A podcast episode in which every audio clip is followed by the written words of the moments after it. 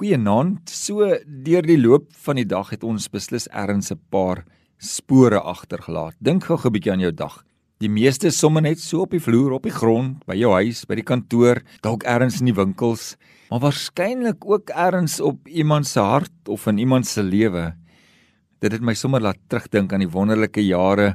Ons het in Bredasdorp gebly en die kinders het baie vrolik gespeel in die wit sand stofspore van waarnhuiskraans en op die strande en het jy dikwels van hierdie ou sandspoortjies in ons kar of in ons huis aangetref. Maar 'n paar jaar later was dit 'n heel ander storie. Toe woon ons in Centurion en ewe skielik is my seun se groot voete vol rooi grondspore oral op die ligte matte in die huis. En die effek en die gevoel was heel anders. Soms moet ons maar 'n bietjie lig loop van die spore wat ons strap beïnvloed die mense rondom ons. Wat my die meeste aangegryp het en natuurlik maar die blyste maak is nou woon ek in die Kaap. So elke kuier by Bloubergstrand spreek boekdele tot my hart en my geloof en my gemoed. En ek en my vrou en die kinders en die honde sal gereeld so op die strand gaan stap en op 'n mooi dag dan merk jy die honderde voetspore rye wat naby mekaar loop. Dalk is dit daai twee verliefdes wat daar voor loop. Jy kan sien hulle is so naby aan mekaar. En dan diep gestrapte spore wat so ver uit mekaar is en dit lyk miskien soos die man wat sy middagtraffie vang hier voor en dan groot groepe spore van klomp mense wat heerlik saam kuier en saam stap. Duisende voetspore en natuurlik daarmee saam ook duisende, honderde stories van mense wat hierdie spore agterlaat.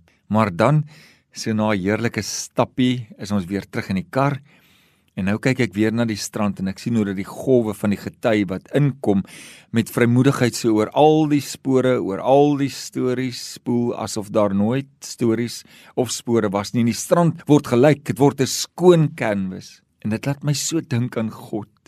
God van nog 'n kans wat sy genade kom laat spoel oor al ons mislukkings van die lewe, oor die seer van ons lewens, oor die foute en die stories wat ons dalk nie wil onthou nie.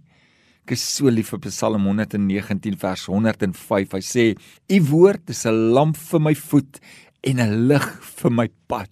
Vriende, 'n lig vir my pad.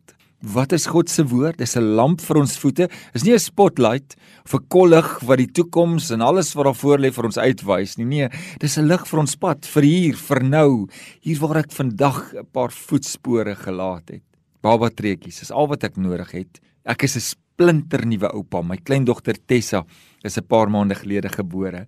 So sy gaan ook seker oor 'n paar maande van nou af leer loop en ek weet met die liefdevolle sorg van haar mamma en pappa sal sy elke tree vir tree maar leer om te loop en sal hulle aanmoedig al val sy 'n 100 keer en dis is God se liefde.